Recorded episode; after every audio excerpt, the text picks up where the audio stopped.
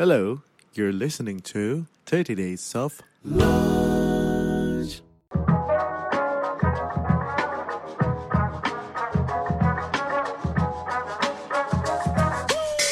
yang yang benar-benar completely change uh, me gitu loh. Yang satu itu Seven Habits.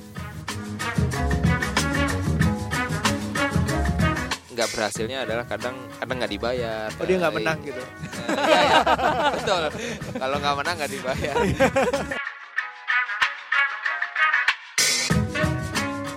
Welcome back to 30 Days of Lunch episode number 27. Gak boleh bahasa Inggris. 27. Oh nggak boleh ya? Gak boleh. Aduh, gue Nanti disalahin netizen, lagi netizen nih. nanti salah nih. Apalagi campur ya nggak boleh campur mungkin. Gimana kalau gue seluruhnya bahasa Inggris Rup?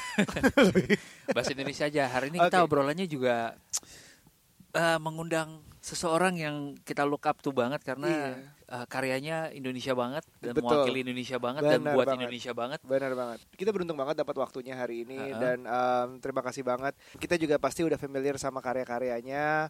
Eh, terutama gue, gue juga juga suka bertransaksi di situ, beli dan jual. Jual. Gue gue jual gadget di situ, cepet banget men. Oh ya? Like cepet banget, mungkin atau gue jual kemurahan juga nggak tahu sih. tapi tapi prosesnya cepet banget dan gampang Oke. banget gitu. Oke. Nah itu kayak eh, kayaknya pemikiran di balik itu memudahkan eh, barang gue sampai ke tujuannya, at, at least target market gue gitu loh. Itu yang gue Yeah. senang. Tapi man, it's, it's, it's pr- pasti banyak banget pemikiran di balik itu. Dan Yeah, kita yeah, kalau yeah. karena kita hari ini bisa ketemu sama founder, Wah. CEO Gila. Kita dari kita mau coba dapetin sebanyak mungkin ya. Mm, mm, mm, mm, Cerita dan wisdomnya dari Mas Zaki. Mungkin Mas Zaki bisa say hello dulu Mas ke Ahmad Zaki. pendengar 30 Days of Lunch. Halo teman-teman semua. Apa kabar Mas? Baik baik baik. Thank you Aryo Sehat hari sama ini? Ruby. Eh, Alhamdulillah sehat. Alhamdulillah kita em, kita ketemu Mas Zaki ini thank you banget waktunya Ya. luar biasa banget akhirnya bisa ketemu Eh, Mas kita aku pernah diundangkan ke Iya. Bandung Oke. eh, ke ITB waktu itu Hmm. ada R&D di- eh, R&D centernya ya Yes, boleh yes, yes. dibilang ya Ah. waktu itu Ah. eh, ngelihat ada suatu lab yang didedikasiin untuk eh, belajar research tentang AI Betul. salah satunya Betul. nah itu banyak banget sekarang Hmm. gimana kabarnya Mas Sekarang kabarnya ya sudah jalan dan Hmm. eh, kita berharap itu jadi istilahnya contoh lah bagi perusahaan-perusahaan di Indonesia untuk ya lebih banyak invest di R&D karena eh, seperti yang sering saya sampaikan termasuk di tweet juga ya. Hei, Wah. Oke oke. Eh, saya rasa kita mesti sama-sama bergerak menuju ke ya saya sebutnya apa ya eh, knowledge industri atau kreatif ada Ya. Yang sebut kreatif ya intinya berbasiskan pemikiran lah karena itu Hmm. aset terbesar manusia di masa depan adalah intelektual gitu Iya. Hmm. Eh, dari buah pikiran eh, kreativitas diri kita Iya, gitu betul. Eh, bukan Betul. lagi sumber daya alam ataupun eh, sejenisnya jadi eh, untuk itu ya semua manusia Indonesia mesti bergerak ke arah sana that's why Hmm. Oke. kita di company sendiri punya arahan untuk ya yuk fokus di R&D Ya. spend waktu untuk mikirin eh, masa depan inovasi-inovasi dan eh, saya kira ya perlu lebih banyak lagi perusahaan di Indonesia eh, yang perlu fokus ke R&D saya pikir Bentar, bentar, bentar. Gua, gua masih belum, Coba, belum, coba, Ro. belum, belum nangkap nih. Jadi sebenarnya yang dilakukan dengan Bukalapak dengan ITB itu ngapain yuk waktu itu udah? Jadi um, kerjasama dari Oke. artian buka suatu lab juga, lab Oke. yang berhubungan dengan uh, research and developmentnya gitu. Oke. Jadi bisa bisa uh, ut- utamanya waktu itu sih correct me if I'm wrong ya Iya, Mas iya. Zaki ya. Um, AI. Oke. AI itu itu berhubungan dengan Bukalapak misalnya kalau uh, nanti ada satu mungkin ada satu subjek atau satu Mhm. course yang berhubungan dengan AI nanti disupport oleh Bukalapak. Ya. Misalnya cara melihat AI itu seperti apa, Oke. uh, engineeringnya itu seperti apa. Jadi kalau di saat mahasiswa-mahasiswi yang belajar di situ udah tahu ini AI bentuknya kerja apa dari awal banget. Oke, dan bisa langsung kayak gue kalau mau implementasi ke Bukalapak tuh Ah. kayak gimana? Ya gitu betul. misalnya. Iya, Jadi iya. eh, Bukalapak justru diharapkan menjadi objek eh, research Ya, mereka gitu dan I kita see. menyumbangkan sekitar satu persen data kita ke Ah. eh, ITB. Wow, gitu. sehingga 1% data. Iya. Data udah bisa Nah. jadi Iya, sesuatu tuh di satu persen data kita tuh jutaan lah. Jadi mereka Oke. problemnya selama ini kalau mahasiswa melakukan research nggak ada datanya, Oh, ini real objeknya. data ya? real data tapi Real, tapi real. kita kita parsing, kita kita acak Ah, namanya kita acak, alamatnya dan sebagainya sehingga ya kita nggak melanggar ketentuan customer lah Oke. Gitu. kan data oke. privacy juga kan Itu mulainya kapan Mas kalau boleh tahu? itu itu bulan apa ya akhir tahun, tahun, lalu ya, bulan tahun lalu Oktober akhir tahun ya akhir tahun September gitu kalau nggak salah. Menarik, menarik. Dan itu akan banyak di seluruh Indonesia rencananya tadi yang seperti Rencananya. Mas Zaki bilang. mudah-mudahan tapi eh, ya seperti Aryo tahu bekerja sama dengan institusi besar itu kan membutuhkan komitmen Iya, dan sebagainya jadi kita bikin modelnya dulu yang tepat Ah, kalau misalkan nanti tepat kita bisa scale ke eh, universitas-universitas lain gitu loh yang sebenarnya itu sangat umum di Amerika tapi di Indonesia sebenarnya ini cukup baru model kerjasama kan kalau kita ngampus dulu susah banget kan Iya iya apa, iya. connect ke industri gimana ya gitu loh. Benar, Kadang benar. kita bikin eh, tugas akhir atau tesis cuma jadi kertas gitu.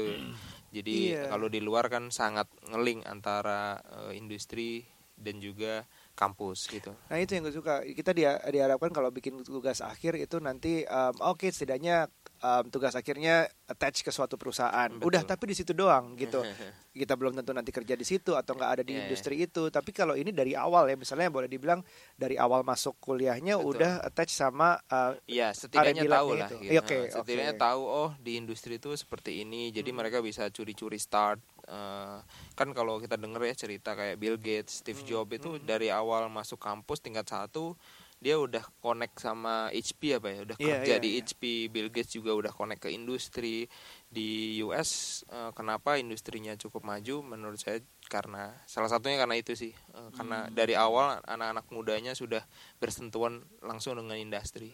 Eh, seru sih, seru sih. Karena eh, salah satu yang gue ngelihat, ya you running a business, gue juga ya. running a business. sure. Sering terjadi adalah tuh gap antara mereka yang lulusan kuliah sama yang kita butuhkan nih. Benar. Banyak yang nggak nggak langsung ready gitu untuk Iya. untuk capture kebutuhan di korporasi gitu kan. Iya, kita kan mulai dari sistem edukasi yang uh, belajar semuanya dulu, kayak semuanya Iya. banget dari SD. Dan Iya. fokusnya ngapal. fokusnya ngapal ha-ha. kita belajar uh, hal-hal yang ja- boro-boro di SD di kayak di kuliah aja dia nggak kepake gitu di Iya, saat di iya. kerjaan Hmm. apalagi di SD SMP segala macam yang belajarnya Iya, semuanya gitu ya dan ya itu lo bilang ngapal nah ini lebih kayak udah um, setengah merasakan di dunia nyata itu bakal Betul. seperti apa Betul. gitu I see. gitu Gue mau coba connect ke obrolan kita hari ini akan banyak dimulai dengan soal inovasi. Inovasi. Nah, tadi udah mulai soal Ya. ITB sama Bukalapak. Em,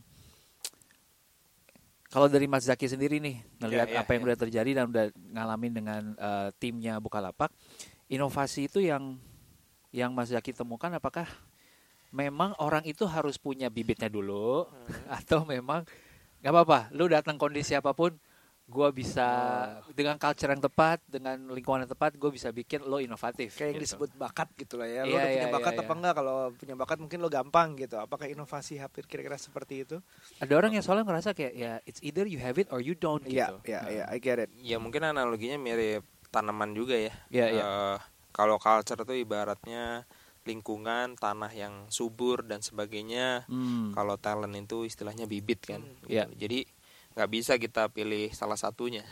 Ya, Kalau Hmm. bibit yang bagus ditaruh di tanah yang Ah, gurun pasir, nggak ada Bener. matahari, nggak ada eh, air itu sama aja akan mati juga, juga. gitu loh. Jadi eh, kalau saya selalu pakai filosofi mirip eh, bercocok tanam itu sih ya, ya. Hmm, betul. tanaman lah. Jadi talent yang bagus disaring kita harus cari bibit yang Ya. bagus dan kita udah ada tuh rumus-rumusnya bibit yang bagus.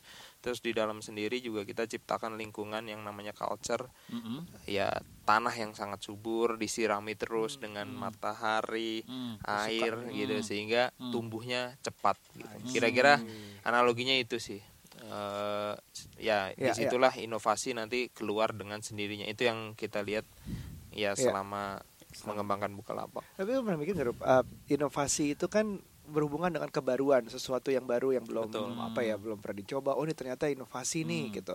Tapi ada juga yang bilang bahwa nggak ada yang baru lagi di dunia Betul. ini gitu. Di muka bumi ini nggak ada yang baru lagi. Apakah um, Mas Zaki, menurut Mas Zaki inovasi itu seperti apa? Apakah kita, oh ternyata comot ilmu dari satu ke yang satu digabung jadi Gabungin. suatu ilmu inovasi atau benar-benar harus completely baru gitu? pada dasarnya kan inovasi kan kita berusaha sebisa mungkin menghasilkan sesuatu yang eh, lebih efisien, lebih baik. Lebih Itu baik. kan. Oke. Eh, dunia ini kan bergerak eh, ke arah yang lebih baik Iya. ya. Kalau lebih jelek tentu pasti akan kalah sama yang lebih baik. Iya, gitu. iya, iya. Yang kalah itu biasanya secara model itu lebih nggak baik gitu, Iya. lebih kurang daripada yang lebih baik. gitu. Hmm. Dan itu dibagi jadi dua. Yang satu inovasi yang berbasiskan optimasi. Jadi yang sekarang ada dioptimasi gitu loh. Kayak Hmm. misalkan eh, Xiaomi gitu kita Oke. lihat gitu loh. Apple sebaliknya tuh. Ah, ah. Justru Apple memikirkan yang completely different, Ah. eh, completely new. Oke. Walaupun Hmm. sekarang juga bergerak ke Iya, arah iya, inovasi iya, yang ke sini sih gitu loh. Ya, jadi ada secara umum ada dua jenis itu sih Ah. ino- istilahnya inovasi eh, yang current, yang kedua adalah inovasi yang lebih future Lebih gitu loh. future. Jadi Oke. saya pikir dua-duanya eh, bisa dimainin. Yang satu istilahnya low risk eh, low gain, yang satu high risk high gain. I Jadi see. eh, makanya ini lebih membutuhkan R&D biasanya yang sebelah Oke. yang kayak Apple model itu R&D-nya biasanya lebih gede karena dia investnya li- lima tahun atau 10 tahun ke depan gitu lah.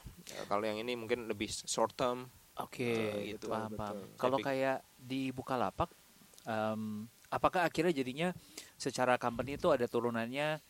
Kalau di Google kan kita dulu tahu mereka menerapkan, oke deh, 20% dari waktu lo bebas, lo mau bikin project apa pun yang hmm, passion. Akhirnya muncullah di situ lahir Gmail, Yes. akhirnya jadi salah satu uh, produk mereka yang paling banyak dipakai. Em, turunannya di Bukalapak tuh kayak gimana sih mas bikin culture yang inovatif itu jadinya? Ya kita ada hal-hal semacam itu tapi nggak fix seperti Google. Ya. Kita ada semacam hackathon. Mhm. Hackathon itu event tiga bulanan biasanya eh, anak-anak selalu nyiapin tuh dari sekarang nanti Uh-uh. setiap tiga bulan ada checkpoint hackathon sehingga mereka bisa present dan eh, beberapa biasanya kita implement gitu ber- biasanya. Oke. Jadi ya sekitar ada tiga tim gitu biasanya kita implement secara real dan memberikan dampak sehingga mereka kita kasih reward gitu.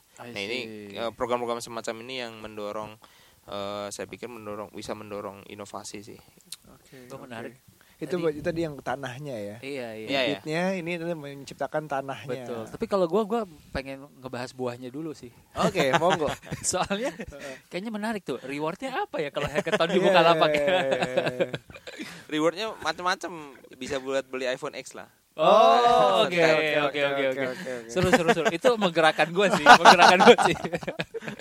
Iya biasanya pada pada ngincer dan idenya seru-seru karena biasanya kita terlalu sibuk dengan pekerjaan yang sekarang lupa memikirkan hal-hal lain di- eh, ya istilahnya perlu ngelihat dari jauh supaya bisa ngelihat the whole package gitu. Benar, ada yang kosong nih gitu. I Itu yang see, yang eh, see. Nah, kita lakukan. dari hasil hackathon itu atau nggak pernah ada nggak success story yang kayak oh ini ini ternyata nih dari uh, tim kita yang oh nggak nggak pernah nongol nggak pernah apa tiba-tiba dia menghasilkan ha- sesuatu yang sampai sekarang penting Masih banget buka buat impactful Bukalapak. gitu. Ha-ha, Hmm. impactful gitu. Mungkin nih kalau bahkan di luar marketing pun eh di luar teknologi pun kita melakukan eh, semacam itu contoh di marketing Ah, Ya. mungkin ada ingat nih? iklan-iklan kita ya Oh, iya iya iya iya. iya. iklan-iklan kita kan eh, mungkin ya ada yang bilang wah sangat memorable eh, iya, iya. dan itu sebenarnya adalah ide-ide lahir dari kompetisi eh, internal kita Mm-mm. jadi mereka ada ide awalnya memang serem ya ngelihat idenya ekstrim gitu loh Iya. tapi justru dengan keekstriman kita itu ternyata bisa memberikan eh, impact yang lebih bagus ke perusahaan jadi Hmm. ya seperti itu sih ide yang lain yang sekarang udah menjadi besar adalah yang mitra bukalapak itu awalnya kan Ah. dari satu salah satu karyawan dari ya karyawan ya. ha. Oh. terus eh, dia mulai ya ke warung-warung dan kita rasa kok bagus numbersnya gitu loh kita invest lagi jadi in, in a way bukalapak tuh kayak eh, investor juga tapi ke internal employee kalau misalkan mereka ada Nice. ide Hmm. kita kasih angel investment Wow. terus Oh, ged- lebih gede lagi kita kasih seed investment terus Oke. series A series B gitu dan sampai sekarang udah eh, besar sekali Oh, Ada visi Oke. dalam ya ya ya, se- iya, seolah-olah iya, kita iya. manage seperti visi. eh, visi jadi Nice. setiap orang wow, eh, wow. kayak founder atau CEO-nya gitu Itu. Oh, jadi ada divisi berdasarkan misalnya mitra Bukalapak nih, ada Iya. ada startupnya sendiri Iya, dari iya, Bukalapak iya. keren, Hmm. keren, keren, keren. Eh aku pernah ini mas, Eh pernah menjadi salah satu eh, tim yang diajak untuk sharing ke Bukalapak Rangers. Oh itu, ya ya. Kalau nggak salah waktu itu saya lupa di luar kota di Camp ya, camp, di ranger ya, camp, ya, ranger. camp. ya. betul Ya, ya. betul. Iya. Eh, terus yang saya lumayan salut adalah ini kalau saya ngelihat e-commerce lain ya, Iya. Kayaknya mereka tuh nggak move sampai ke level yang Z- Bukalapak lakukan. Iya, iya. Menurut saya Eh, sampai ini yang lucu sih. Hmm. Kita pernah ngasih training Mm-mm. ke Bukalapak Rangers. Trainingnya adalah tentang skills to present. Oke. gitu. Jadi menurut saya care banget ya sampai Iya, iya. sampai si pelapaknya itu mau dibikin supaya lu juga tahu cara storytelling, lu tahu cara jualan. Iya, iya. Eh, apa sih yang melandasi you want to invest that much sampai ke level mungkin bisa ke grassroots gitu. Iya, iya. Sementara kalau dari sisi bisnis ROI-nya bisa jadi orang-orang ini juga Cabut. mungkin dia mungkin dia punya multiple toko di tempat lain juga gitu iya, misalnya iya, gitu. iya, iya. Eh, gimana tuh Mas pemikirannya gitu? Ya, eh, se- seperti namanya ya Bukalapak itu kan lapak. Lapak itu kan kesannya pinggiran gitu. Iya, iya, terus iya. kalau lapak biasanya yang jaga juga ownernya langsung. Kalau Iya, kita iya. ngebayangin lapak ya itu itu misi Bukalapak sih. Jadi misinya Bukalapak sebenarnya pengen supaya usaha-usaha kecil, owner-owner small business ini berkembang gitu.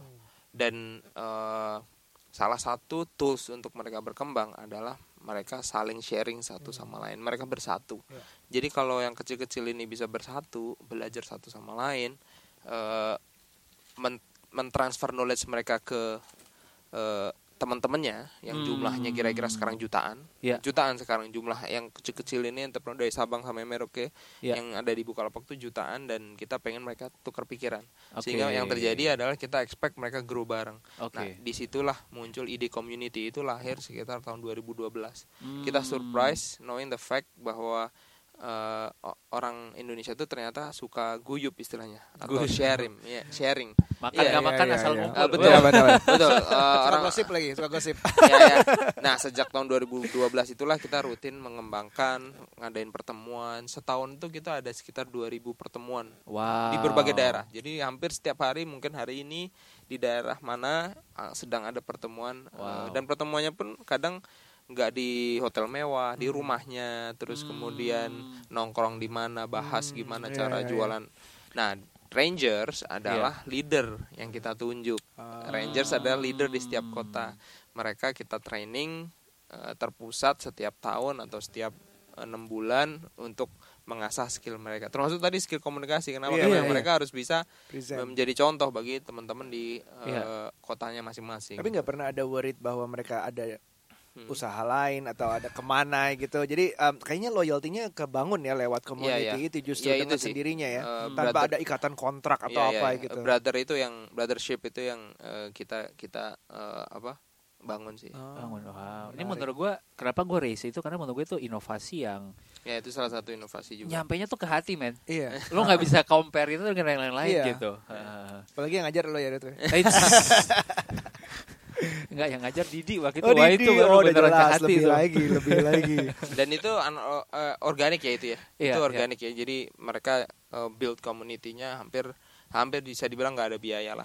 Oke. Itu itu dahsyatnya kalau ditanya ROI tadi ya. Iya. Itu ROI-nya unlimited. Wah, ya. Iya, Karena nggak ada hampir nggak ada biaya gitu. Nah, selain kreativitas nih. Kalau tadi kita masih ngebloknya di kreativitas, kira-kira em, ada nggak sih skill-skill lain yang bisa menunjang atau dibutuhkan juga buat ngebantu kreativitas, eh membantu inovasi itu? Tadi kita sempat ngobrol sebentar sama Mas ya. Oh, 10 skill untuk survive di dunia yang makin Automated automated. world. Mm-mm. Heeh. Eh, di situ ada problem solving, di situ ada critical thinking. Em, Baru creativity. baru creativity ya. Mm, mm, mm, mm. Ya gue geri banget sih. Iya. Eh, ibarat prosesor itu eh, kita mungkin dulu-dulu fokus ke memorinya gitu. Hmm. Eh, bukan ke prosesornya gitu. Padahal memori itu ada batasnya, nggak bisa selalu dijejelin. Maksudnya gini, kalau handphone kalian hang itu biasanya kebanyakan memori itu nggak? Oh, iya, iya, iya, banyak Iya, iya. isinya, banyak Nah, foto-foto nah, atau bukan video dari WhatsApp nggak penting gitu, tuh. Seringnya Oke. tuh problemnya di memori kalau Oke. kalian seringnya kalau HP bermasalah atau laptop hang itu karena kebanyakan memori. Memori. Nah, yang terjadi adalah kita selalu menjejelkan memenuhi memori. Kalau menurut saya trennya memori ini kosongin aja. Balik lagi. Sehingga kenceng. sehingga Oke. eh, komputer itu kenceng Iya. terus prosesornya ditingkatin prosesor ini yang dinamakan ya misalkan kita ada berita nih Ah. Hmm. eh, kalau prosesornya Pentium 1 mungkin eh, dimakan mentah-mentah lah Iya, iya, iya, salah iya, satu iya, iya. tapi Langsung kalau forward tanpa prosesornya dibaca. kalau prosesornya bagus mungkin ah ini hoak bisa milih-milih terus bahkan levelnya bisa lebih gila lagi kayak Einstein itu kan oh, Hmm. bener-bener mikirnya eh, universe gitu loh Hmm. nggak nggak nggak cuma mikir berpikir kecil itu yang itu menarik ya karena kita- dari kalau memori itu kan kayak kita ini otak Iya. memori kita diisi dari full sampai Iya. kecil Iya. dari kecil Iya. sampai sekarang dengan sebagai macam hafalan Iya, siapa menteri ini di Iya. tahun sekian siapa Yang- presiden Indonesia yang apa yang gue kemudian- lihat itu somehow sekarang jadi disadvantage kalau gue punya Iya. contoh nih gue Hmm. punya staff yang sangat berpengalaman katakanlah 20 tahun misalnya Ya. itu kadang kadang nggak selalu memang kadang beberapa menjadi disadvantage kenapa karena dia mengambil pengalaman 20 tahun ini menjadi suatu experience yang fix ya ini yang saya sebut dimasukkan ke dalam memori otaknya dia Oke. Hmm. seolah-olah itu sesuatu yang fix misalkan dengan bilang ke anak buahnya misalnya di atasan ya Hmm. di kantor gua sebelumnya gini di Hmm. kantor gua sebelumnya Iya, gini benar, gini benar, fix gitu benar. Ya. sehingga anak buahnya menurut gua nggak gitu kan dia misalkan milenial Iya, nih iya, nah iya. biasanya terjadi clash di situ menurut Oke. gua dulu di perusahaan begini jadi Hmm. eh, padahal mungkin belum tentu gitu nah ini yang eh, eh, somehow pengalaman yang panjang itu nanti lu kalau tua ngerasain deh. Gue takutnya di situ juga sih. Gue nanti usia 50 bilang ke anak gue bapak dulu begini. Gue takutnya kayak Ah, gitu. pasti ya. pasti. Iya, anak iya, akan iya. lebih jauh lebih bener-bener kadang- kritikal lagi. ya itu itu yang saya sebut ya memorinya kebanyakan. Jadi 10 ni- uh, skills tadi adalah complex problem solving, critical thinking, creativity, people management, coordinating with others, emotional intelligence, judgment and decision making, service orientation, negotiation and Ya, kalau cognitive kalau dilihat kan itu pak- pakai ke- banyak pakai eh, Prosesor. prosesor Benar. bukan memori Oke. kalau dilihat ya. Benar, ini semua kayak agak em, setengah soft skills ya boleh dibilang ya daripada Hmm, ilmu hmm. pasti tapi kayak Hmm. ilmu apa ini istilahnya. Jadi sebenarnya prosesor tadi tar kalau memori kosong malah lebih bagus lagi Ya kerjanya. lebih kenceng. Ah, Lebih ah, kenceng. ah, laptopnya lebih kenceng. Ini ini ilustrasi yang gue pakai ke mana-mana nih kayaknya. Menarik ya, akan kita curi ya mas. Iya, iya, iya. Prosesor dan memori, wah Tapi make sense banget, memang banyak banget em, video WhatsApp, gambar WhatsApp yang berat-berat ini. Iya benar benar benar. Iya Oke. kalau kalau di clear kan Iya, lebih kenceng lebih kenceng. gitu. Jadi kita harus Ah. nge-clearin eh, istilahnya unlearn lah. Benar, Unlearn. Oh, Unlearn. That's Harus dibuang. That's very good. Lead That's us to a good. very interesting topic. Mas Zaki sendiri, how do you learn?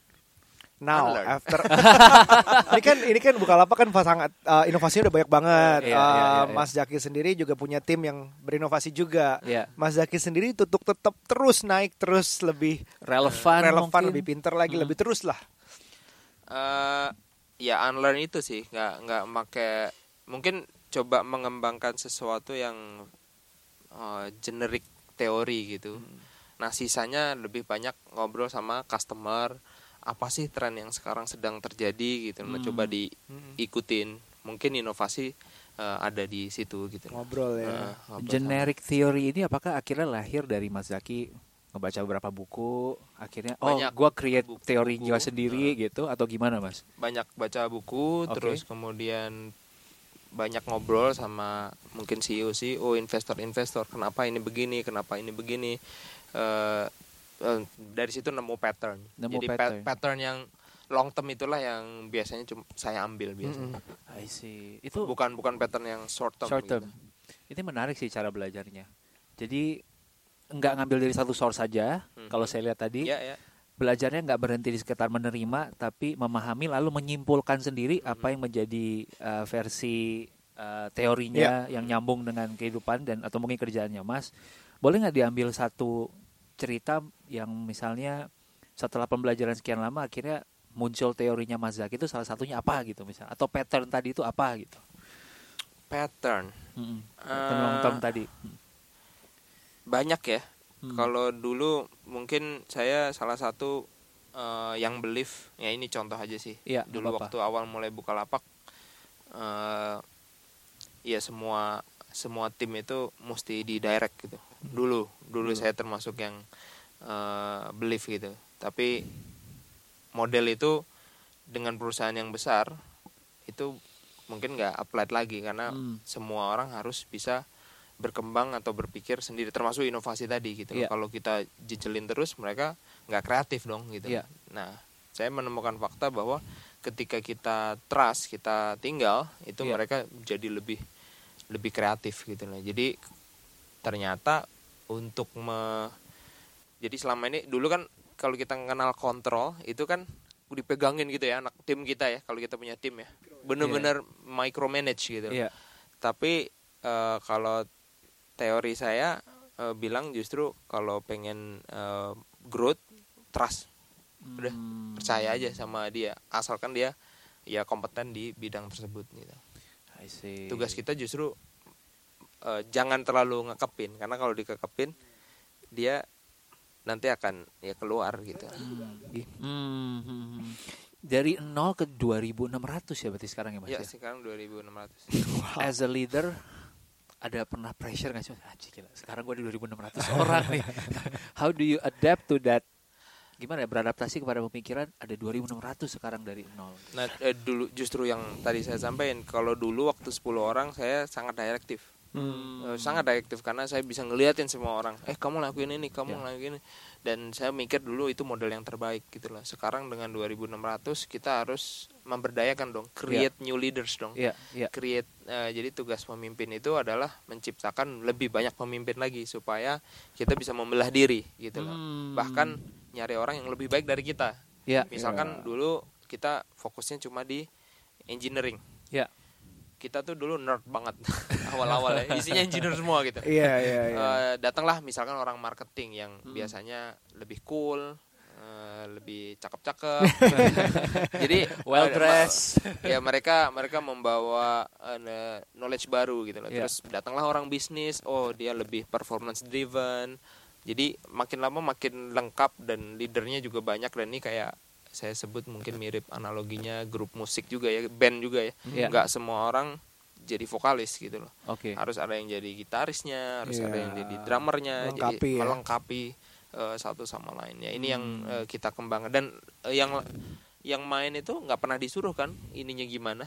Iya iya. Semua iya. bergerak sendiri-sendiri tapi tercipta harmoni. Itu, Hmm. itu yang se- kita lakukan sekarang ini Iya, dengan iya, 2600 ini. Wow 2600. Udah jangan dipikirin Iya. kemarin THR berapa. Susah men. Susah men. Ribet. Bayar Kita belum THR. kita belum nyampe mikirin 2600. Sumber inovasi. Em, tadi kan investasinya juga Bukalapak juga besar banget ya kayaknya di di dalam inovasi ada yang dari salah satunya dari karyawannya juga mendapatkannya SDM. atau dari manajemennya tim manajemennya atau tim teknologinya mungkin nggak sih ada ke depannya em, pernah nggak atau pernah atau mungkinkah ke depannya mengakuisisi company yang fokus di inovasi jadi inovasi dari luar gitu Iya. Mungkin sekali, sangat sekali. mungkin. Bahkan kita sekarang ada tim sendiri, eh, merger and acquisition untuk ngeliatin startup-startup yang bagus-bagus. Eh, misalkan ada, kita sangat terbuka. Tentunya Wah. yang mendukung bisnis kita ya. Oke, oke. Oke, Kita oke, mulai oke. besok. Mulai besok ya. Apa nih Rob? Apa nih Rob? Ya ya ya ya. Karena em, inovasi kan penting dari jumlah investasi. Ya maksudnya ang- bukan angkanya ya. Siapa siapa saja yang berinovasi, Hmm. siapa saja ber- berinvestasi untuk inovasi itu. Eh, kita em, bukan bermaksud balik ke tweet yang waktu Iya, itu iya. pernah Mas Jaki itu, tapi kan pemer- selain pemerintah apa apa saja yang diharapkan inovasi datang dari mana aja gitu selain dari diri sendiri kalau kita kan kalau kita memposisikan diri sendiri sebagai bukalapak oke gue udah invest nih di inovasi segini kira-kira yang bisa membantu apalagi pemerintah jelas Hmm. apalagi yang bisa membantu inovasi itu terjadi Yang paling berat sebenarnya mem, ya mem- mem- contoh konkret yang real gitu. Sekarang kan udah bagus, misalnya ada empat unicorn gitu. Mm-mm. Eh, Ya. Gimana membuat ini lebih kedorong lagi gitu. Oke. Misalkan empat unicorn eh, ini nanti misalkan ini IPO Iya. sehingga investor juga believe nih. Iya Karena sekarang yang terjadi adalah sebenarnya kan tiga komponen industri itu cuma tiga, eh komponen industri itu rasanya cuma tiga. Yang satu eh, adalah customer market gitu. Yang kedua adalah eh, talent perusahaannya. Mhm. Yang ketiga itu eh, investor. Investor. Market Indonesia ada, gede Ah, banget. gede banget angkanya Nomor empat di dunia. Ya. Nomor kita tuh nomor empat di dunia Mm, market ya. gitu terus kemudian talent ini rasanya kampus-kampusnya tadi eh, walaupun banyak kekurangan ya Tapi mulai naik lah ya. mulai mulai mulai naik saya pikir Eh, jadi talent talent kita juga yang luar negeri balik ke eh, Indonesia. Indonesia banyak gitu Oh itu terus kemudian ya kampus kampus-kampus juga udah mulai memproduksi yang ketiga ini yang menurut saya masih beberapa masih ada gap investor gitu. Kalau misalkan eh, nanti unicorn unicorn ini udah sukses dan muncul unicorn yang lebih muda mungkin akan lebih eh, membuat investor lebih believe terutama investor lokal. Sekarang kan kebanyakan investor dari luar kan. Ah, Iya, iya. sehingga in- in- inovasi-inovasi kecil yang cuma tiga orang itu lebih mungkin di funding nanti ke Ah, depan sama eh, investor-investor lokal. Justru Oke. dari si Gitu, investor ya. karena eh, model financial modelnya harus works dulu.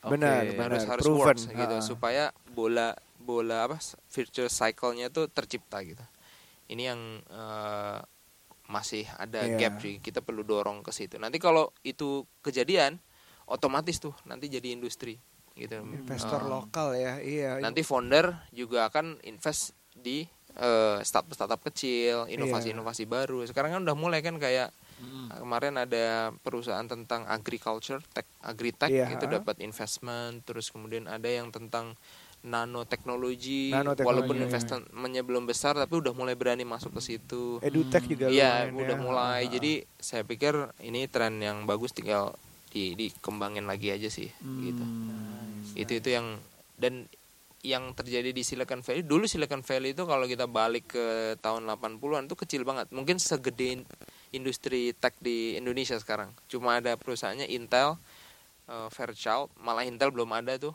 Fair, eh, Fairchild, terus ada cuma ada beberapa segelintir Iya. tapi foundernya ini berhasil dia invest lagi di Intel dia loncat ke Intel bikin Intel terus dia mungkin loncat ke IBM Apple jadi eh, jadi sebuah industri yang sangat besar Oh. nah ini nanti mungkin nanti ya founder-founder juga akan invest di startup-startup baru sehingga inovasinya lebih banyak Berarti ini baru start ya buat Mas Zaki. Ya? Menurut saya ini masih awalan Masih banget sih. awal hopefully, banget ya. hopefully masih awal banget buat buat industri kita ya, Iya, iya, buat iya, iya, Indonesia. iya. Dan jangan berhenti di sini sih, gitu. Hmm. Jadi kita nggak telat untuk mulai, Rup. Iya, iya kita bikin besok. Kita untuk mulai, Rup.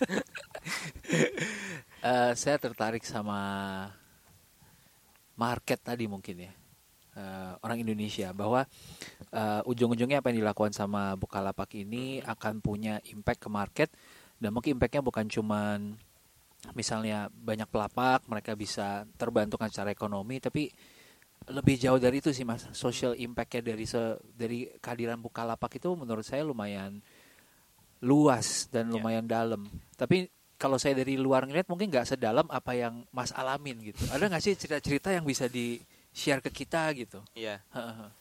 Iya, ini juga salah satu dream kita banget sih. Hmm. Eh, salah satunya kalau tadi saya ngomongin mencipta apa membantu eh, usaha kecil yang Iya. jumlahnya jutaan. Iya. Sekarang kita punya 5 juta by the way, usaha kecil. Wow.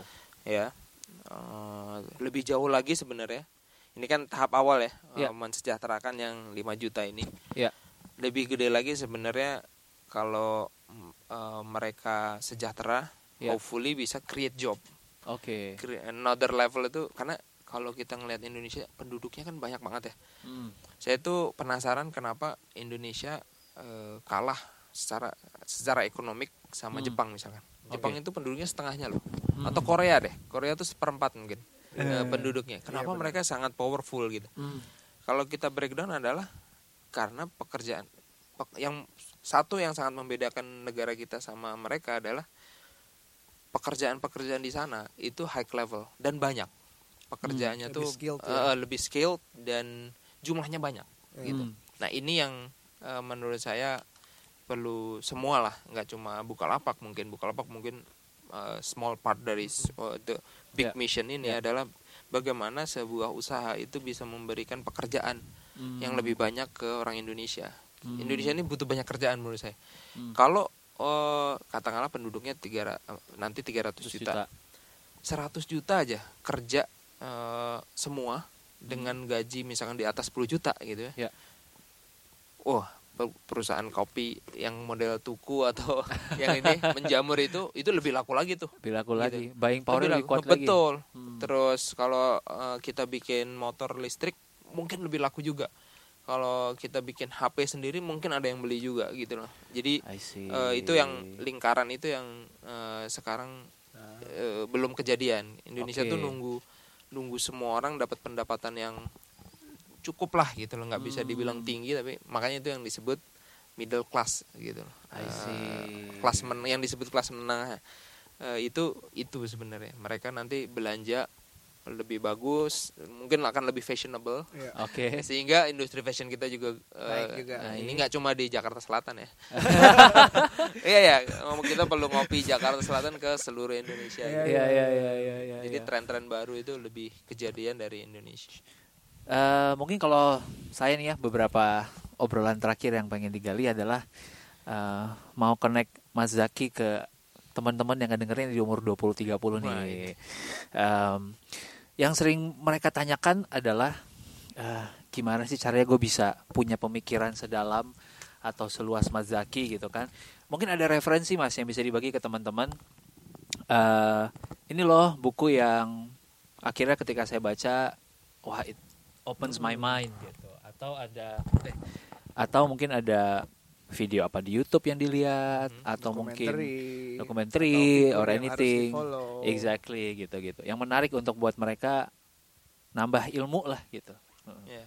Eh, kemarin di hari buku itu saya nanya di Twitter "Eh, Ya. tiga buku yang sering kalian baca apa? Gitu. Dan saya di situ jawab nanya sendiri jawab sendiri.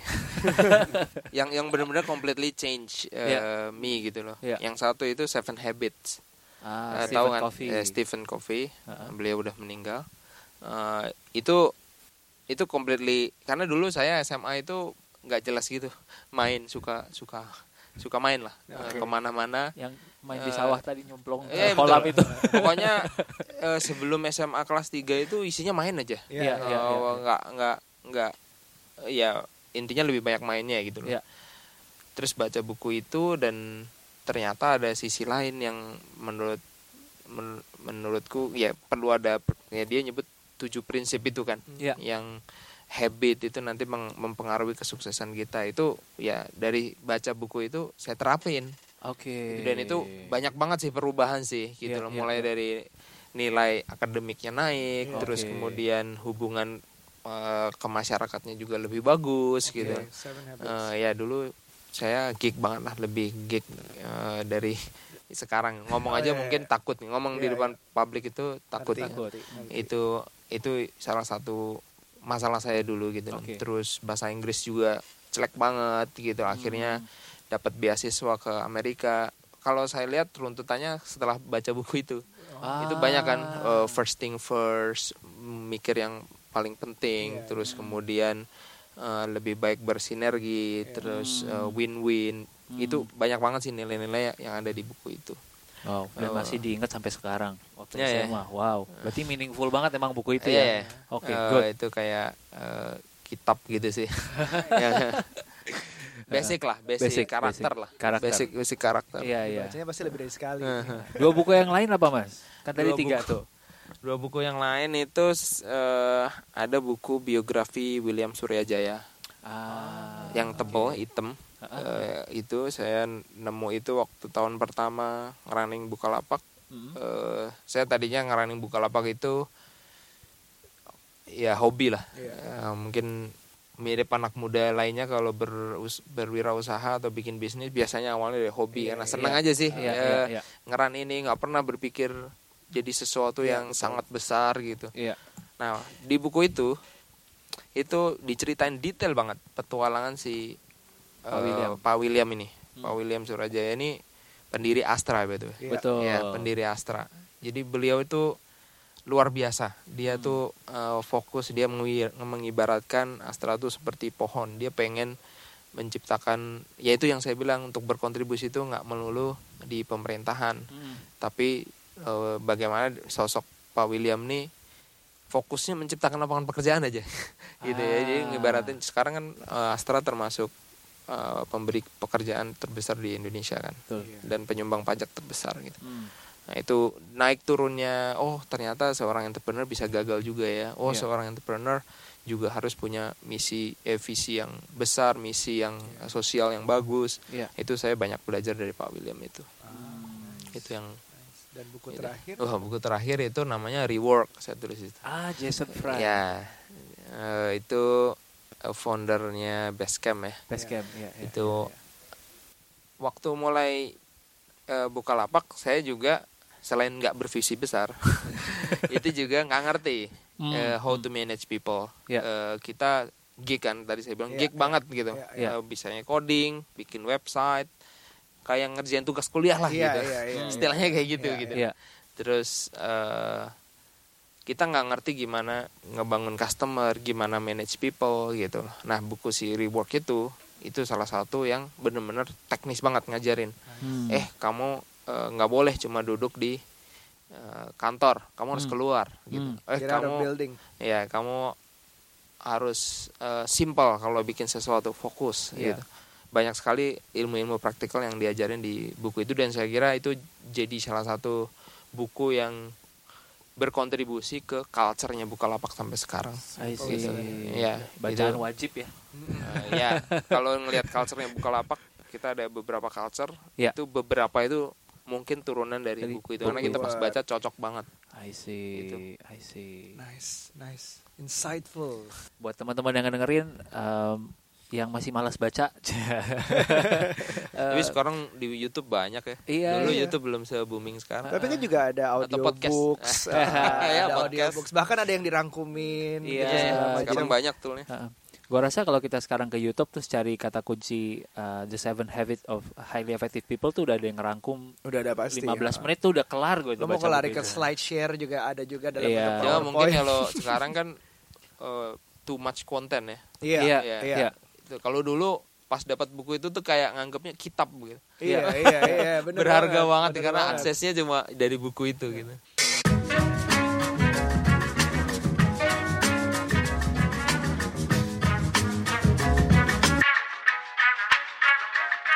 Oke, balik dari break setelah menikmati risol dan dan gorengan, Dan gorengan. ini. Aduh, ini ngobrolannya makin asik nih, makin panas.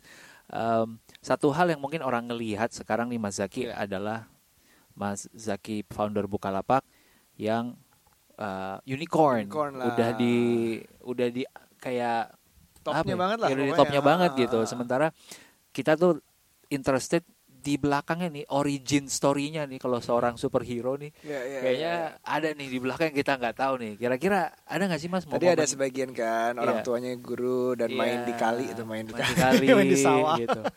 Ada nggak sih se- sebelum lahirnya Bukalapak tuh kegagalan-kegagalan atau cita-cita yang yang Iya. part of your origin Apa story ini Mas? Bukalapak itu udah jackpot, ting langsung Iya. first try langsung oke gitu. Iya, apa iya. gimana tuh? Eh, saya baru dapat cerita tadi yang ikigai tadi eh, amazing juga ya ternyata maksudnya eh, perjalanannya dari awal sampai nemu ikigai itu ya banyak lah eksperimennya gitu loh mulai Iya, dari mungkin dari kecil saya nemu bahwa oh saya passionnya komputer komputer Oke. terus suka programming Iya. terus saya kuliah di ITB Iya. terus dari situ suka bikin software Hmm. dan dan ya ternyata oh eh, saya bagusnya kayaknya bikin software nih dan Hmm. waktu bikin software nggak langsung berhasil Oke. Eh, waktu itu bikin software buat tahu quick count kan ya Iya. Eh, quick count pemilu itu Ah, Eh, oke. saya dulu kliennya politisi-politisi lah gitu Oh. ya Eh, Menarik. dan eh, di situ ternyata nggak berhasilnya adalah kadang eh, kadang nggak dibayar terus kemudian Oh, dia nggak eh, menang gitu? eh, iya, iya, betul. Kalau nggak menang nggak dibayar. Eh, terus ya itu kegagalan yang ya itu yang dibilang di ikigai kan nggak dibutuhkan kan gitu. Iya, mungkin mungkin eh, saya nggak dibutuhkan di situ. Terus pernah saya pernah surprisingly pernah buka eh, ya restoran mie ayam deket Oh, ITB pernah. ya pernah. Wow. Eh, tapi di situ saya sadar itu bukan tempat ya tempat yang baik buat saya gitu. Nggak cocok lah gitu istilahnya. Eh, kenapa mau buka? Iya mie nggak tahu. Eh, teman saya waktu itu. Oh, kita ngajakin joinan gitu lah gitu, ya, ya, ya, ya ya, udahlah. ya, ya, ya. Eh, Jadi sebelum beneran bikin Bukalapak udah bikin lapak dulu gitu. Iya, iya, iya. Lapak harus jadi pelapak. dan itu bukan passion saya. Iya, Ya. Ma- makanya- bagian dagangnya atau masaknya ya kali ya. Iya, iya. Ya, nggak ngerti lah intinya Nggak bisnis ngerti. itu gitu loh. Ah. Dan finally waktu lulus saya mulai eh, buka lapak. Eh, even sebelum mulai buka lapak saya sebenarnya mulai ada company namanya Sud Media. Sekarang masih ada company itu. Di run sama teman saya. Iya. Itu eh, small agency gitu. Kita Iya. bikin website dan sebagainya.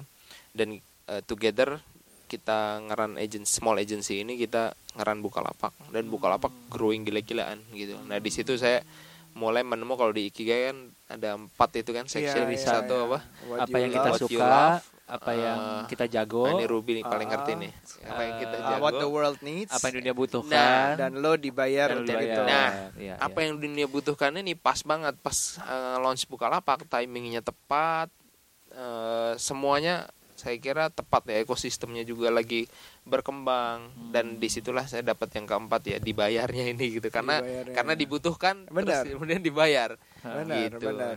Eh, Lebih dari passion ya. ya memang kuncinya sih kalau saya bilang nyari terus sih nyoba nyari nyoba cari Proses. ya eksperimen gitu loh sampai mungkin suatu saat ya tinggal tunggu gilirannya aja mungkin sekarang giliran eh, saya mungkin nanti giliran siapa Iya. kalian gitu tinggal eh, orang ada ya naik turunnya lah Iya. Dan saya juga percaya mungkin sampai season sekarang Mas Zaki adalah sebagai founder Bukalapak. Kita nggak tahu 10 years from now tiba-tiba Mas Zaki menemukan ikigai yang baru nih.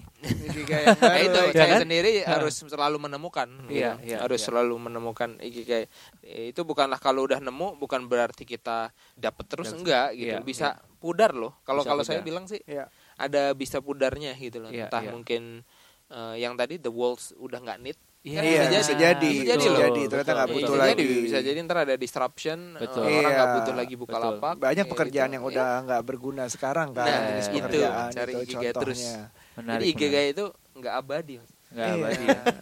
Tapi kemarin gue tertarik Rup, lo kemarin ngebahas tentang investor versus uh, businessman gitu, bukan Iya. versus ya sebenarnya ya. Mana yang dari ceritanya Ruby sama Akar di sosial medianya di Instagramnya ngomongin tentang uh, salah satunya LeBron James, Iya, salah LeBron James tuh satunya punya.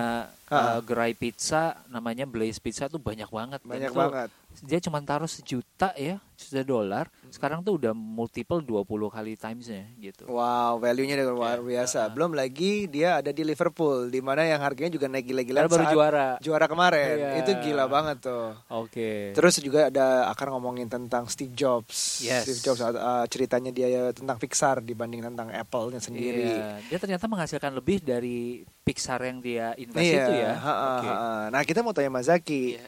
um, untuk pribadi atau Bukalapak silakan dijawab terserah. Investasi ke depannya itu uh, apakah apa yang ada di dalam pikiran, apa yang rencana, apa pandangan Mas Zaki Hmm, tentang hmm, investasi hmm, sendiri hmm, itu? hmm, hmm. Kalau saya tipikal yang eh, nyari growth yang gede ya. Tentu dibalik biasa kalau diinvestasi kan umum ya growth yang luar biasa biasanya eh, resikonya juga luar Luar biasa, biasa, gitu loh. ah. Termasuk ketika saya memilih memulai buka lapak sendiri kan saya sadar bahwa itu resiko yang Hmm. eh, besar banget Iya. terutama Hmm. waktu itu yang resiko terbesar saya itu misalkan buka lapak gagal mungkin saya telat dalam memulai karir terus ntar ngaruh ke keluarga dan sebagainya Ya. makanya saya Ya. dulu eh, ya bisa dibilang janjian sama istri, Istri. untuk Ah. saya menganut sistem yang 996 itu kan Nine, Ya. apa oke. eh, Gimana tuh, Mas? mulai kerja jam 9 selesai jam 9 kerjanya 6 hari Wow. Wow. jadi ini- emang udah kalau istri jam 7 malam manggil saya bilang enggak Saya eh, dipecat tetap- masih di suami. Mas.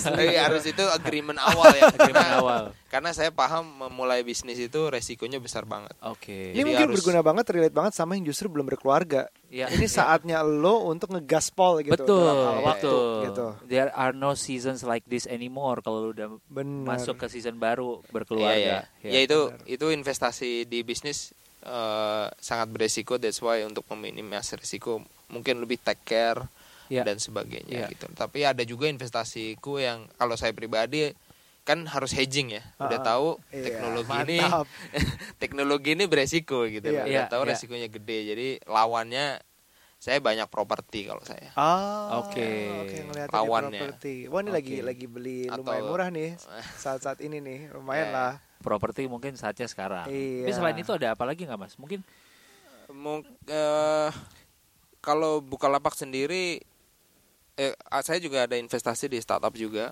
Oke. Eh, ya, cuma memang supply-nya sekarang startup lagi sekarang terlalu banyak visi ya Terlalu banyak Jadi- visi. jadi kalau ada startup bagus pasti udah diinvest sama visi duluan gitu Ah. saya lagi nyari yang Seed. eh, ya yang bagus-bagus yang mungkin belum diinvest ya, di situ Ah, oke. masuk Itu biasanya juga yang dilihat kan kalau startup kan juga banyak peran foundernya ya. Maksudnya yang dilihat foundernya pasti yang dilihat foundernya. Saya Itu masih berlaku foundernya. ya. menurut saya sih eh, itu salah satu faktor terbesar Ya. Sa- faktor terbesar lain yang dibutuhin tadi sebenarnya mirip ikigai sih ya, Iya, ya, iya, orang iya, yang iya, mau iya. dapat ikigai nih Plus Ikigai tambah orang yang kerjanya 996. Iya. Iya iya iya. Kira-kira eh, kayak gitu nyari eh, orang-orang yang mau dapat ikigai masuk. tuh. Nah, kadang sebelum masuk dia udah dapat ikigai duluan terus udah nggak butuh gitu. Jadi kita Ah. nggak udah nggak dibutuhin gitu loh. Iya, Misalkan mm, mungkin mirip cer- tahu cerita kopi tuku ya. Eh, itu kan udah booming duluan. Iya. ya. Bayangin kalau kita invest sebelumnya itu Iya, pasti benar. multiple-nya Multiple-nya eh, lebih. besar sekali. Berkat Pak D Jokowi. Iya. benar benar benar benar benar. Investasi nggak harus berarti lo harus tajam melintir dulu. Iya, lo iya, bisa iya. mulai investasi dari berapapun sebenarnya. Karena kan kalau misalnya kalau gue lihat ini untuk yang dengar yang baru mulai 996 ini sangat berguna buat yang belum menikah yang masih mau kerja keras kayak kuda ya. Itu kan katanya dari startup-startup di Cina ya. Iya ya itu itu cult eh, startup lah secara Cult, di US, startup China, Cult ya. banyak di China.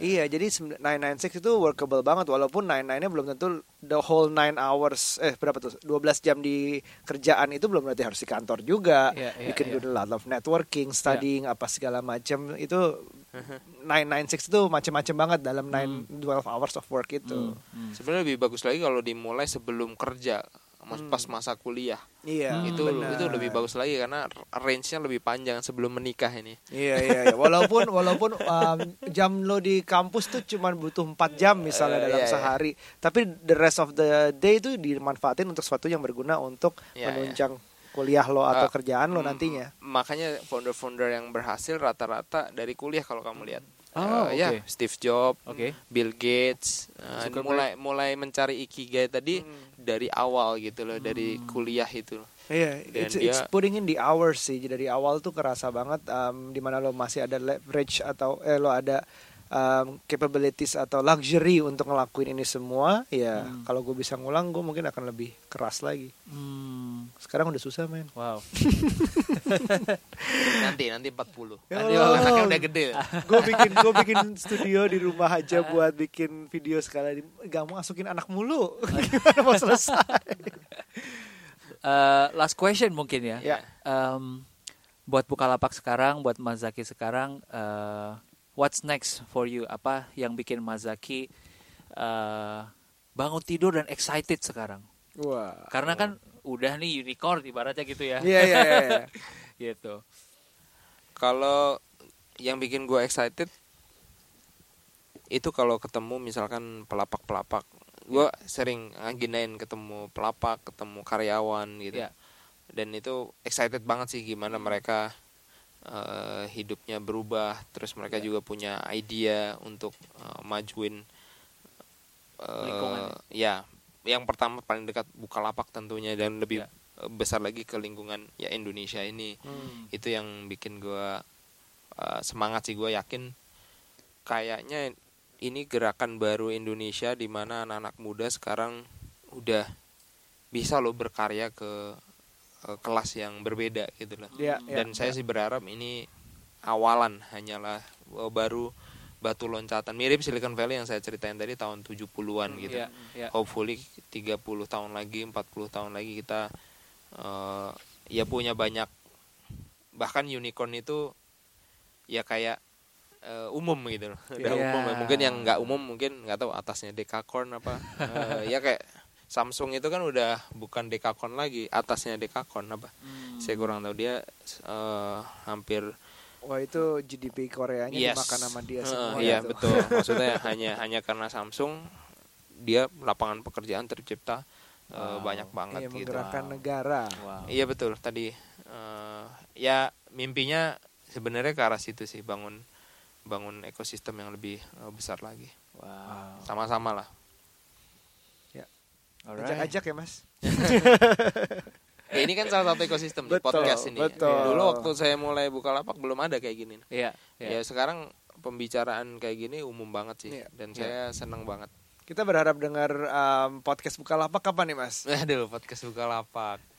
Mungkin bentar lagi yang buka talks ya. Oh, buka talks duluan. Bisa didengar di Asik. podcast. Tuh, Oke, ini nice, sumber-sumber nice, nice. belajar berguna lagi nih Yes. buat kalian pendengar podcast. Nih harus dipantengin nih. Yap. Yes.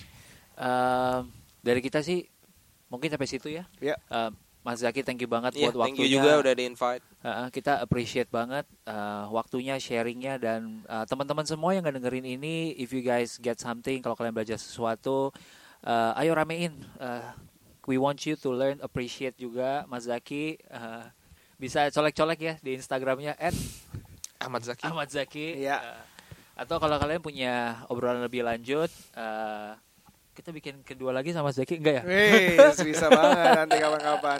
Atau buka talksnya itu salah satu tempat belajar yang menarik Yes, banget sih. betul. Sering Oh, banget yang Nanti harus. di buka talks ada Rubil. Ada Ruby kemarin, baru aja nih sharing stage sama Reza Arab. betul betul betul betul. Katanya sih hari Kamis ini tayang ya. Wih, amin.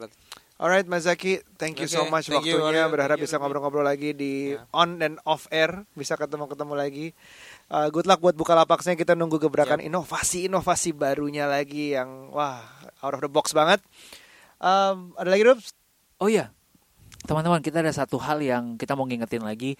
Kalau kalian belum dengerin episode 26, kita sangat menyarankan sekali.